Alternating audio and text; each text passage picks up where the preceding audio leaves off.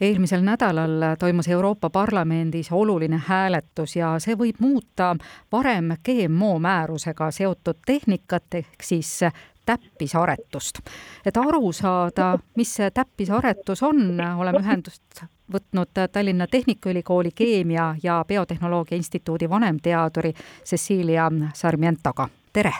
tere! Cecilia, kui te üritate kuidagi maakeeli lahti seletada täppisaretuse läbi selle tehnika? täppisaretus on tegelikult ähm, üks aretusviis, mis ähm, tähendab, et äh, teadlased saavad väga sihitult sisse viia mutatsioonid, mis äh, võivad olla nii pisikesed,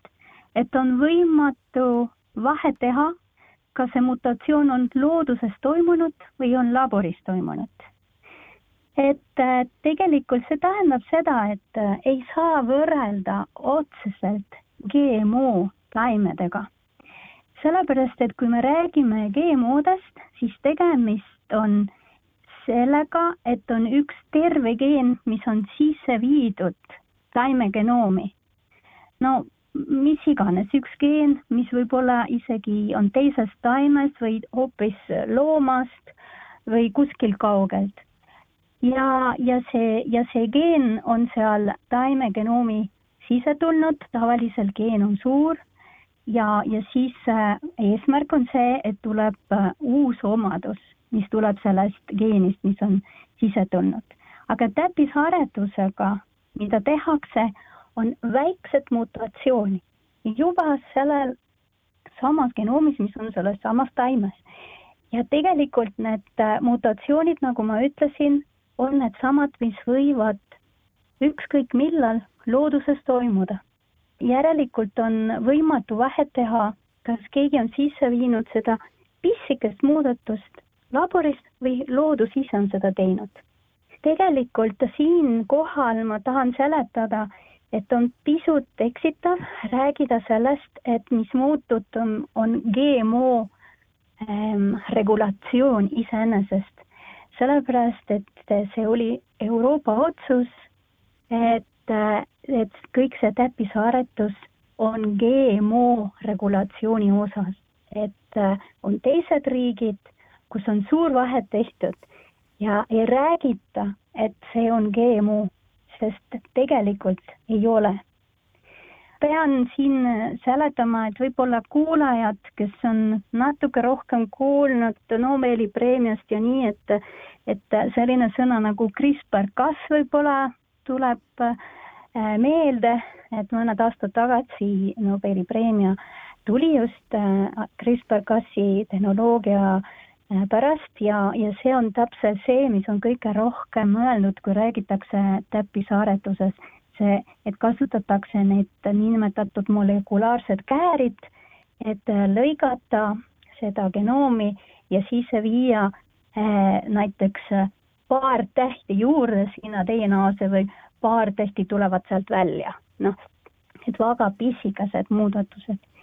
et ähm, mis see meile jah. annab, kui, kui nüüd, ähm, kui hästi läheb, ma saan aru, siis on tarvis viieteistkümne riigi poolthäält veel ja, ja nende elanike arv peab siis omakorda moodustama kokku vähemalt kuuskümmend viis protsenti Euroopa Liidu elanikest, siis saab selle otsusega täide viia. mis see teie jaoks tähendab, teie töö jaoks? Meie töö jaoks ja tegelikult äh, kõikide teadlaste tööde jaoks, meie, kes tegeleme just sordiaretusega, kes tegeleme taimedega, taimeteadustega ja kelle eesmärk on ainult see, et põllumajandus oleks parem, eks ole, läheks paremini, et meie toit oleks jätkusuutlikum, et meie taimed võiksid toime tulla just kliimamuutustega. meie näeme, et see on praktiliselt meie, meie ainuke, ainuke võimalus, et kõik seda saavutada kiiresti. Et muidugi klassikaline aretustehnikad võimaldavad seda ka, aga see lihtsalt võtab tohutult palju aega. ütleme niimoodi, et kümme korda rohkem aega ja raha kui, kui selline täppisaretus, mis on, mis on palju kiirem ja, ja, ja sellepärast ka palju soodsam. et äh, kui me tahame, et meil oleks äh, taimed mis oleksid võimelised toime tulla juba me saame aru, et meie kliima muutub. Et, et meie talv on selline, et jälle sula ja jälle pluss ja miinuskraadid, see kõik mõjutab väga palju taimefüsioloogiale, kõik taimed ei ole võimelised sellega toime tulla. Ja, ja me võime, ütleme jutumärkides, natuke mängida selle genoomiga väga vähe selleks, et need taimed kiiresti oleksid vastuvõtlikud kõik nende stressidele, mitte ainult, mis tun-, mis tuleb otseselt, ütleme, kliimast, et kas on niiske või, või liiga kuum või mis iganes, vaid ka, mis on seotud näiteks patogeenidega, kõik need uued viirused, uued seened ja kõik, mis liigub siiapoole, mis varem ei olnud ja nüüd on juba tulnud, kuna kliima on muutnud.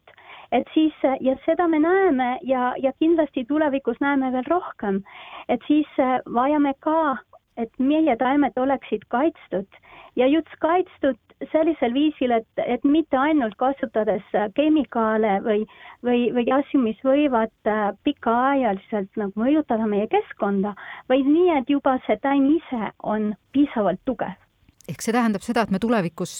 saame kasutada palju vähem taimemürke erinevate patogeenide vastu. täpselt nii, täpselt nii. ja me ei pea neid enam sisse sööma endale. täpselt nii kliimamuutustega sammu pidamine, see tähendab omakorda ka seda, et see, milliseid taimi aretavad Eesti teadlased ja milliseid siin tarvis on, et nad kasvaksid meie niisketes ja heitlikes oludes ja see, mida peavad näiteks Hispaanias teadlased tegema, et äärmuslikele palavatele ja kuivadele põuaaegadele taim vastu peaks need on väga erinevad tehnikad ja väga erinevad äh, muutmised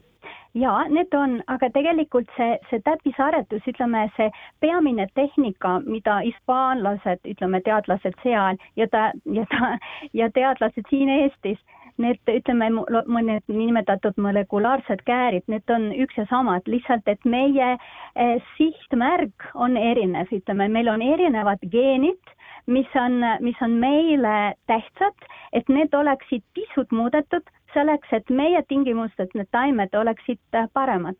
ja, ja, ja muidugi väga tähtis on ka mõelda seda, et, et tänu sellele me võime ka natuke rohkem kasutada ka eh, need taimed, mis, mis, mis kasvavad siin hästi või, või, või ütleme, meil on juba sordid mis on, mis on Eesti sordid, eks ole, ja, ja, ja mingisuguste mm, tingimuste juures nad on juba tugevad ja head, aga võib-olla tuleb mingi uus haigus ja siis me võime alustada sellest sordist, mis juba ütleme, meie kliimale on kohanenud, aga võib-olla mingi uus haigus tuleb ja siis peame konkreetset geeni muutma selleks, et, et ta ei oleks ainult tugev meie kliima suhtes, vaid ka selle konkreetse haiguse suhtes, nii et me võime juba alustada eh, sellest alg-, algmaterjalist, mis on, mida meie tublid aretajad on siin juba aastate jooksul juba tei-, noh, nagu tekitanud, eks ole no kui me võtame mingi ajaraami, kui see otsus nüüd saab vastu võetud ja jõustub, kas siis te alles saate oma tööga pihta hakata või te tegelikult olete saanud nii-öelda laboris asju juba katsetada ja siis saab hakata selliseid taimi juba kasvatama? jah see teine, mida te ütlesite, sellepärast et meie oleme siin Eestis juba katsetanud need äh, täppisharjutustehnikad ja mida nimetatakse ka uued äh, uued arendustehnikad, UAT-d öeldakse, need oleme kasutanud juba rohkem kui viis aastat, mis tähendab seda, et meil on kompetents äh,, ähm, vähemalt on kindlasti kolm laborit siin Eestis, kus on kompetents olemas, meil on juba artiklid avaldatud selle kohta, et me oskame seda teha labori tingimustes ja, ja tegelikult me ainult ootame, et kui, kui see Euroopa Liidu äh, noh, ütleme, otsus on positiivne, siis me võime kohe hakata juba tegema midagi, mis on, mis on meie põllumajandusele vajalik eh, või meie toidutööstusele vajalik, et me võime juba hakata otseselt eh, kasutama neid, no mitte ainult nagu labori sees, vaid noh, teha, ütleme, põllukatseid, eks ole, mis oleks absoluutselt kõige, kõige tähtsam ja vajalik. kui me lõpetuseks ehm, veidi räägime ka sellest, mis on see halb GMO ehk siis geenmuundatud variant, kus ühel hetkel on täpselt ühesugune taim igal pool, erinevusi ei ole.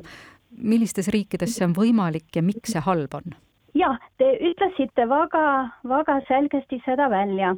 et probleem on see, et on üks ja sama GMO kasvatatud igal pool ja palju. See on see, mis on probleem, probleem ei ole iseenesest GMO, GMO, ühesõnaga eh, no pff, ma võiksin eh,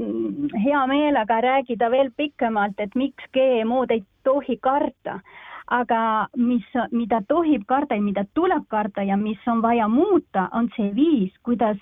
kuidas taimed on kasvatatud, kuidas põllumajandus on tehtud, et see, et meil on ainult üks konkreetne liik, noh, olgu ta GMO või mitte GMO, aga üks konkreetne taim, mis kasvab,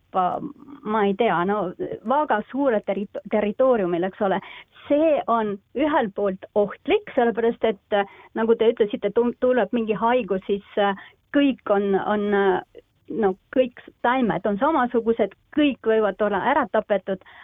aga samas, mis toimub keskkonnaga, et mitmekesisus kohe langeb, et kõik see muld kaotab oma rikkust ja nii edasi ja nii edasi. pluss eh, ka kõik, mis on seotud nende GMO taimedega, mis on resistentsed herbitsiidide vastu ja kõik see mäng, et kasutada nii palju herbitsiide ja siis nii palju taimed, mis on resistentsed selle herbitsiide vastu, sealt tuleb see probleem GMO-dega, et probleem ei ole GMO ise ja probleem ei ole see, probleem on see, et inimene, kui ta kuulab GMO, siis ta kohe ka hakkab kartma, aga mida ta tegelikult kardab, on see, mis on tehtud GMO-dega, mitte GMO ise. see, et viia sisse mingi geen äh, ühte taime sisse iseenesest ei, ei, ei, ei pea olema midagi ohtlikud ja ei ole ka. Et, äh, et, et reaalselt äh, probleem on, kuidas see põllumajandus on läbi viidud, see on see, mis tuleb, mis tuleb muuta ehk siis äh, senikaua, kui see otsus ei ole vastu võetud, hoolitseme liigirikkuse eest, seda me ehk saame praegu juba ära teha. aitäh, Tallinna Tehnikaülikooli Keemia ja Biotehnoloogia Instituudi vanemteadur Cecilia Sarmiento. palun